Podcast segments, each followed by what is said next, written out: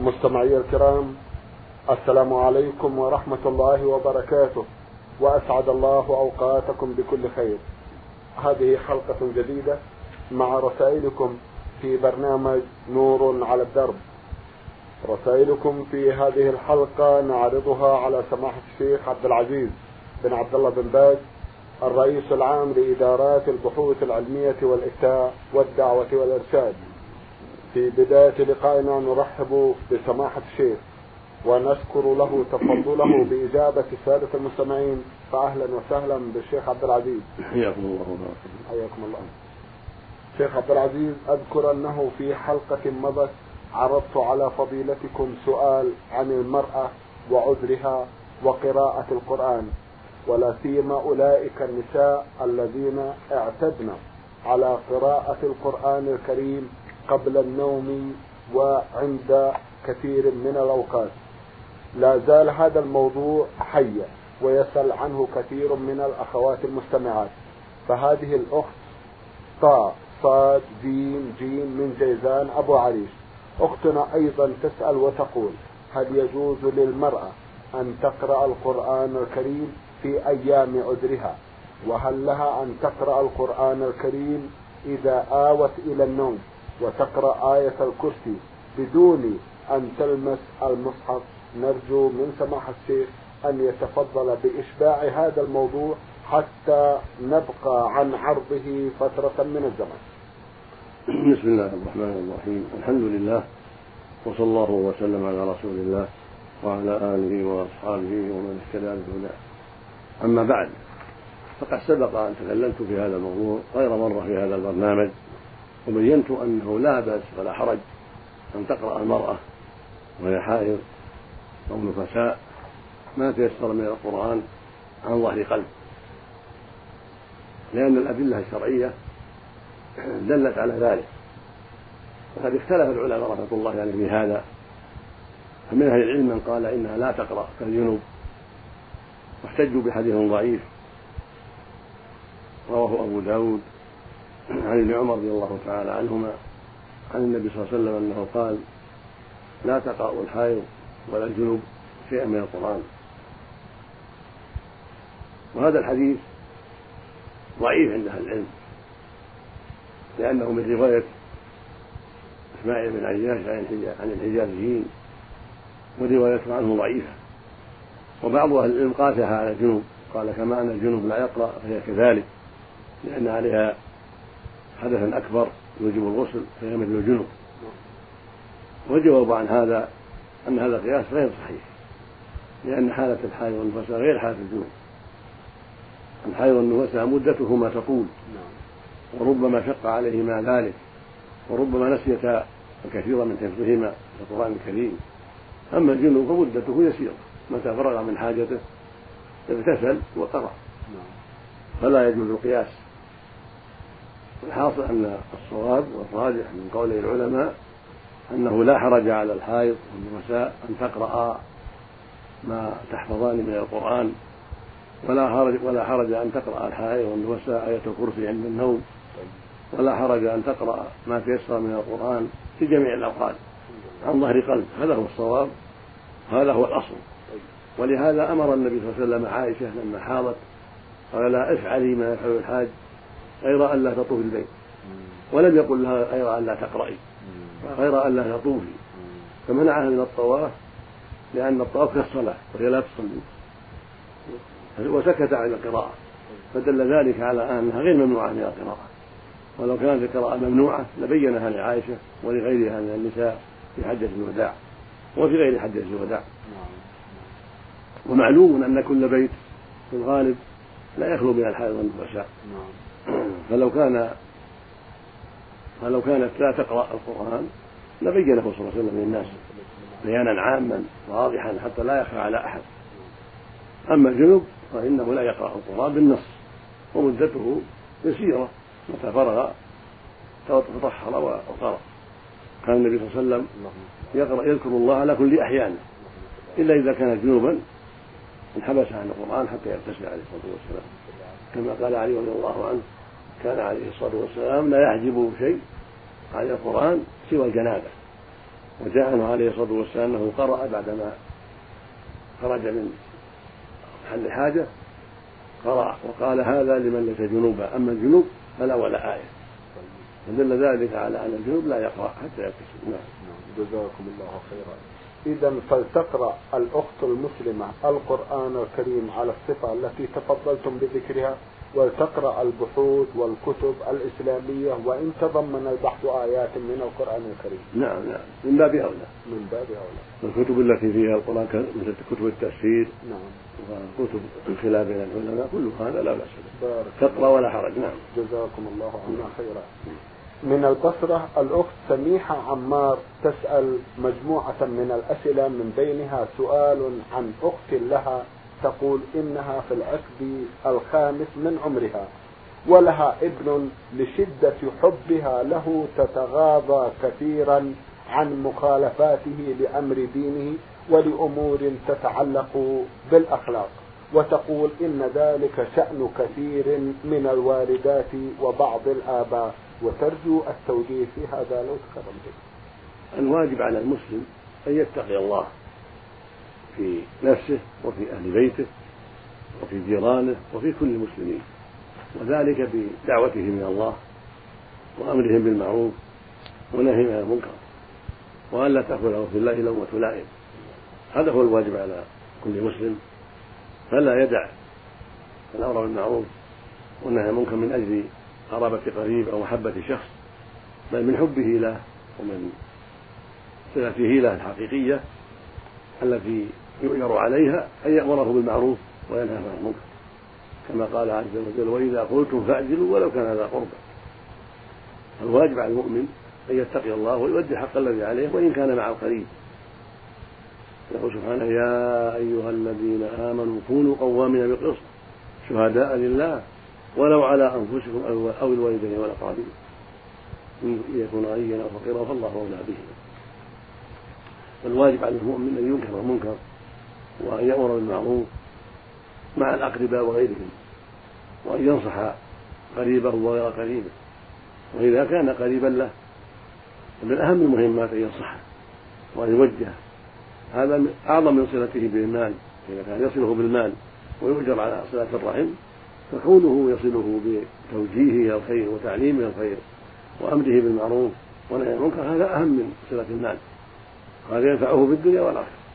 فليس لهذه المرأة ولا لغيرها أن تدع الأمر بالمعروف والنهي عن المنكر لحبها لولدها أو ابن أخيها أو ابن أختها أو غيرهم بل يجب أن تأمر بالمعروف وتنهى المنكر بالطرق التي تراها مفيدة ومجدية بالأساليب الحسنة حتى تنجح إن شاء الله في عملها.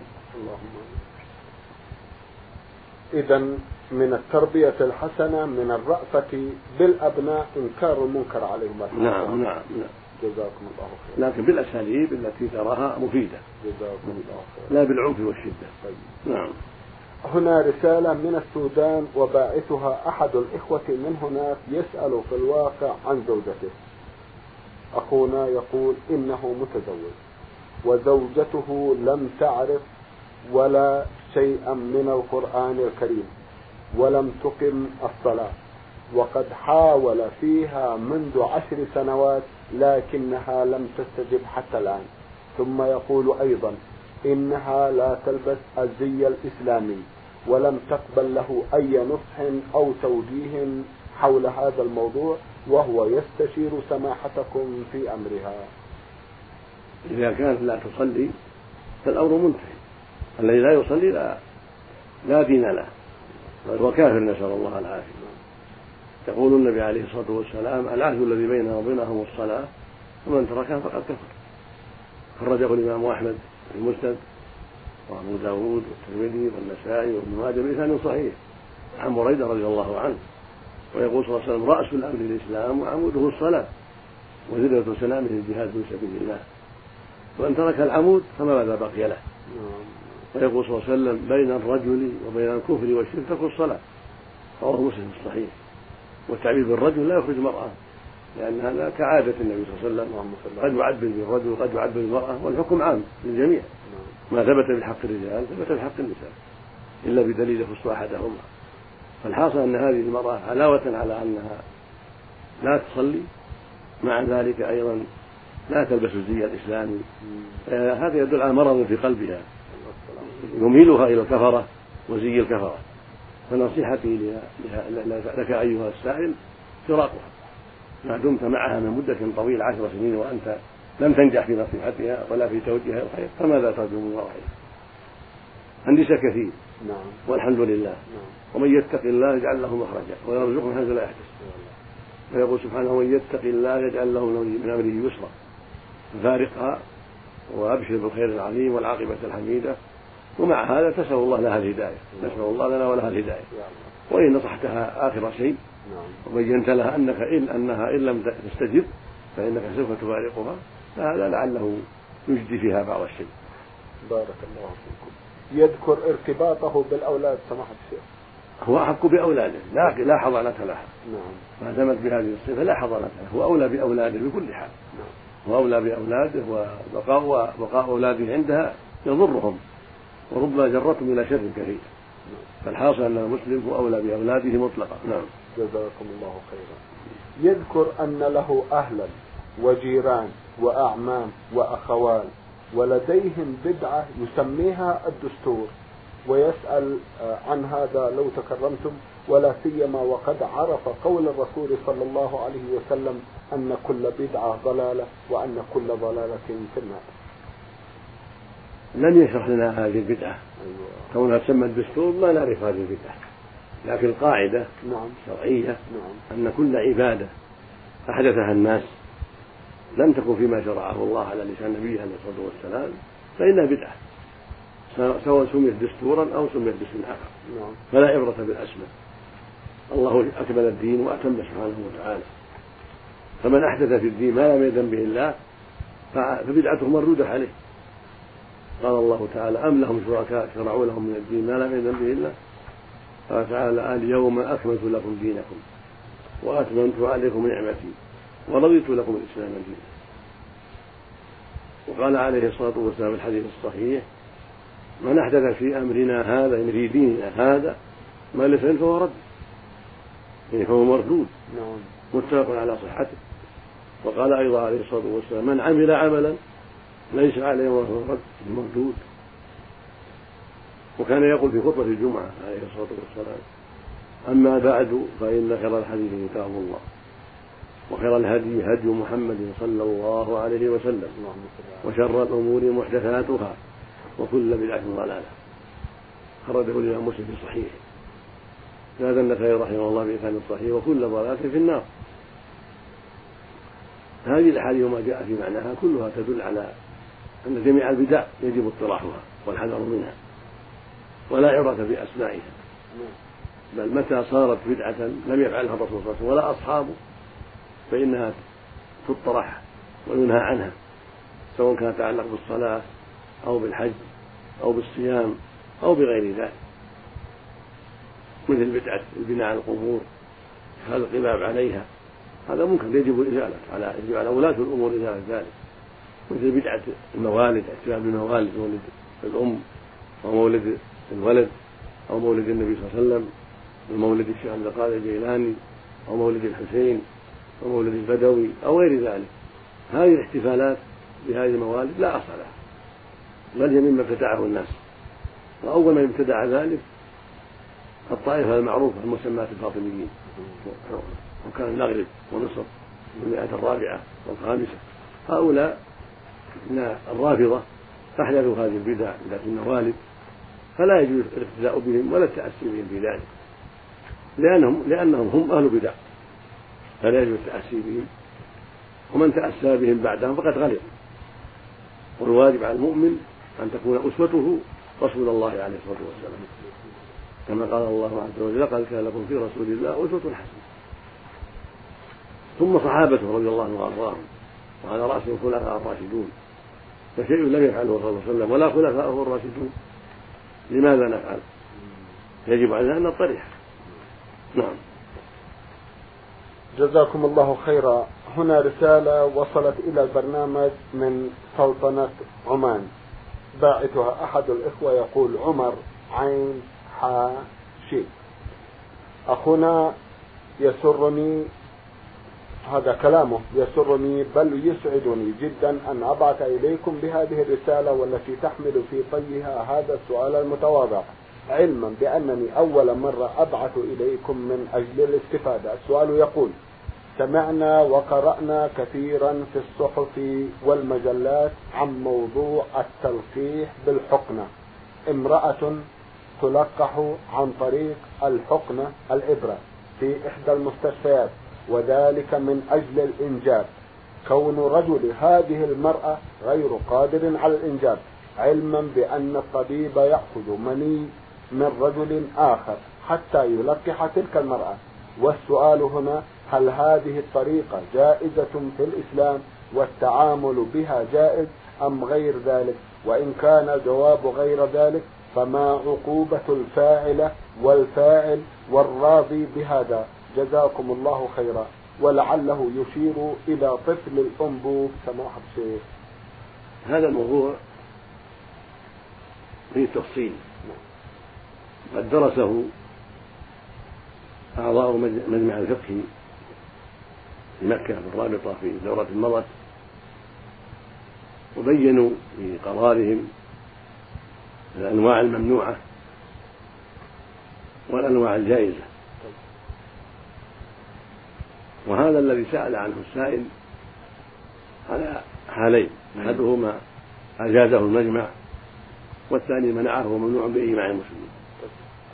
أما الذي أجازه المجمع فهو أن تكون المرأة لا تنجب بسبب مرض في المبيض أو في القنوات التي توصل المني إلى الرحم أو الرجل كذلك ليس بعقيمين ولكن هناك أسباب عرفها الأطباء في الرجل أو في المرأة. ورأى الطبيب المختص أن في الإمكان أخذ المني من الرجل من زوجها ثم حقنه فيها في رحمها وأن هذا قد يوقحها بإذن الله وينفع بإذن الله. من الزوج ذاته. من الزوج نفسه. أيوة. في بصفة خاصة. نعم.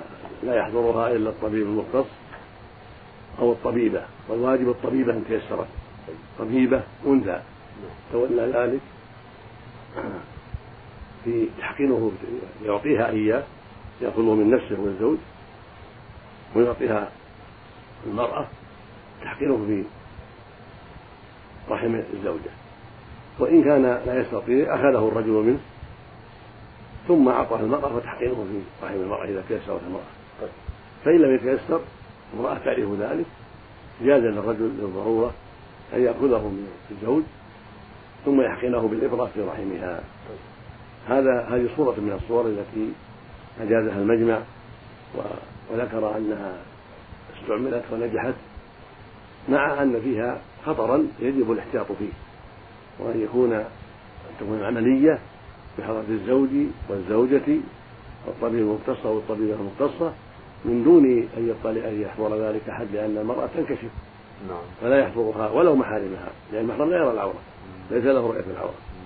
ما بين السرة والركبة لا يراها إلا الزوج نعم. أو السيد.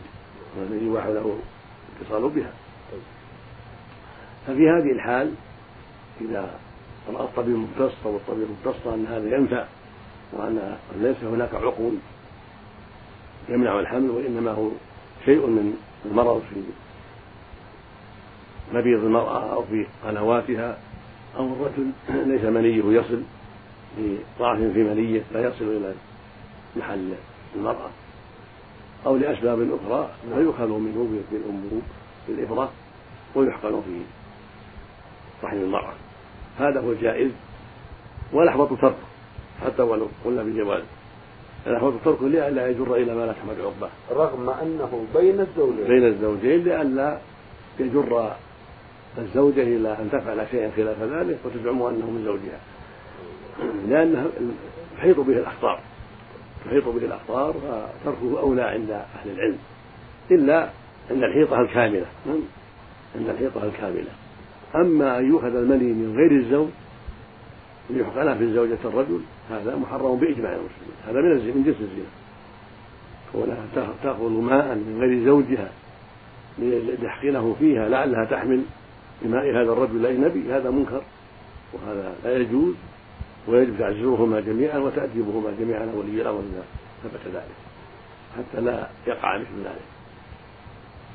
وصورة ثانية أو ثالثة صورة ثالثة بالنسبة إلى الصورتين هذه تكون ثالثة. نعم. وهي ثانية بالنسبة إلى الجواز أيوة.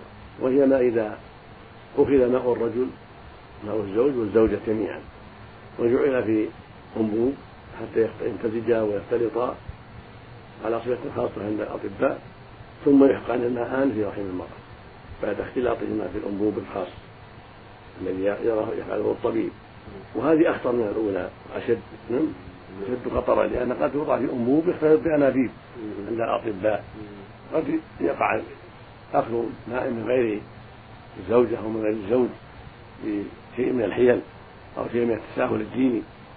فالحاصل أن هذه أجازها المجمع وفيها أجازها المجمع بالأكثرية وبعض أعضائه لم يجزها وبعض أعضائه توقف وأنا ممن توقف في ذلك لأنها خطيرة. فالحاصل أن أن الجواز في ينحصر في الزوج والزوجة فقط. أما ماء يؤخذ من غير الزوج أو من غير الزوجة فهذا محرم بإجماع المسلمين ليس فيه نزاع. إنما محل الخلاف ماء يؤخذ من الزوج يحقن في رحم امرأته. أو منهما جميعا يوضع في أنبوب ساعات معلومة ثم يحقن في رحمها هذا هو محل الخلاف وهو الذي رأى فيه المجمع الجواز في هاتين الصورتين مع وجوب التحفظ والحذر. نعم. جزاكم الله خيرا. إذا له صور متعددة وكل صورة لها حكمها. نعم, نعم. والجائع والذي أجازه المجمع هاتان الصورتان فقط. ما كان بين الزوجين فقط. نفسه منه نعم. بارك الله فيكم ننتقل إلى قضية أخرى أو إلى قضايا أخرى ورسالة وصلت إلى الأخ آدم محمد عثمان سوداني مقيم بالعراق. أخونا له بعض الأسئلة من بينها سؤال يقول كثر كلام الناس واختلف حول قبر سيدنا الحسين أين مكانه؟ وهل يستفيد المسلمون من معرفة مكانه بالتحديد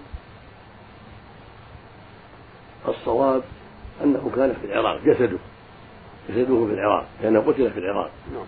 أما رأسه فاختلف فيه فقيل في الشام وقيل في مصر وقيل غير ذلك.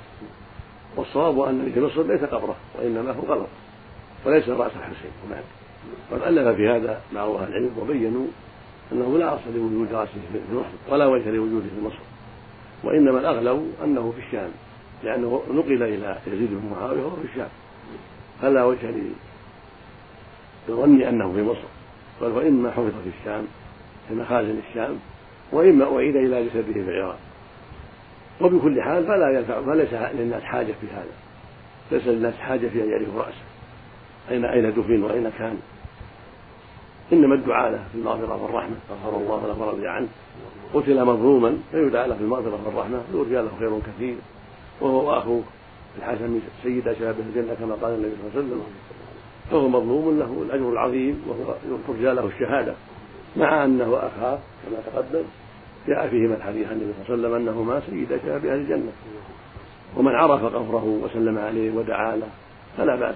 كما تزار قبور أخرى.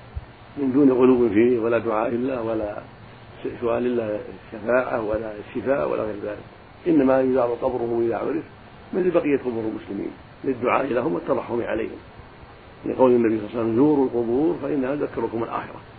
فمن زار قبر الحسين أو الحسن أو فلان أو فلان للدعاء لهم والترحم عليهم والاستغفار لهم كما يفعل مع بقية القبور فهذا سنة. أما زيارة القبور لدعائها من دون الله أو الاستغاثة بها أو التمسح بترابها هذا من المنكرات لا يجوز.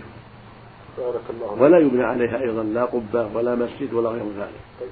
لأن الرسول عليه السلام قال لعن الله اليهود والنصارى اتخذوا قبورا بها مساجد روى جابر في الصحيح روى جابر في صحيح مسلم عن النبي صلى الله عليه وسلم نهى عن تجسس القبور وعن القعود عليها وعن البناء عليها. الرسول نهى صلى الله عليه وسلم عن تجسس القبر وعن القعود عليه وعن البناء عليه. فلا يبنى عليه قبة ولا مسجد ولا غير ذلك. ولا يجوز أيضا أن يجصص أو يطيب أو توضع عليه الستور. كل هذا ممنوع. ولا يصلى عنده. يقول عليه الصلاة والسلام ألا وإن من كان قبلكم كانوا يتخذون قبور أنبيائهم وصالحيهم مساجد. ألا فلا تتخذوا قبور مساجد فإني أنهاكم عن ذلك. خرجه مسلم في صحيحه. عن جند بن عبد الله البجلي. هذا يدل على أنه لا تجوز الصلاة عند القبور ولا اتخاذها مساجد لماذا؟ لأنه وسيلة للشرك. وسيلة إلى أن يعبدوا من دون الله بدعائهم والاستغاثة بهم والنذر لهم والتمسح بقبورهم. فلهذا حذر النبي من هذا عليه الصلاة والسلام. وإنما تزار القبور زيارة فقط بالسلام عليهم والدعاء لهم والترحم عليهم. دعاء لهم نعم. لا دعاءهم من دون الله أيوة. وإنما يدعى لهم. أيوة. غفر الله لك يا فلان رحمك الله رضي الله عنك. كفر الله سيئاتك. أما يقول يا سيدي أنا في جوارك أنا في حسبك. اشفع لي انصرني. اشف مريضي؟ هذا منكر لا يجوز. هذا من دعاء غير الله. من انواع الشرك الاكبر نسأل الله السلامة. نعم. إذا الزيارة جائزة لكن بدون السفر. بدون أن يكون هناك سفر من أجل الزيارة. الزيارة شرعية. الزيارة الشرعية جائزة.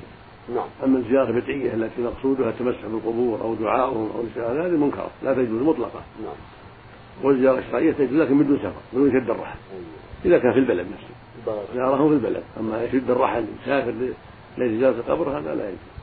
يقول النبي صلى الله عليه وسلم لا تشد الرحال إلا إلى ثلاث مساجد. المسجد الحرام ومسجد هذا ومسجد الأقصى اللهم صل عليه اللهم صل عليه. جزاكم الله خيرا. سماحة الشيخ في ختام هذا اللقاء أتوجه لكم بالشكر الجزيل بعد شكر الله سبحانه وتعالى على تفضلكم بإجابة سادة المستمعين وآمل أن يتجدد اللقاء وأنتم دائما على خير. نرجو ذلك. مستمعي الكرام كان لقاؤكم في هذه الحلقة مع سماحة الشيخ عبد العزيز بن عبد الله بن باز الرئيس العام لإدارات البحوث العلمية والإفتاء والدعوة والإرشاد.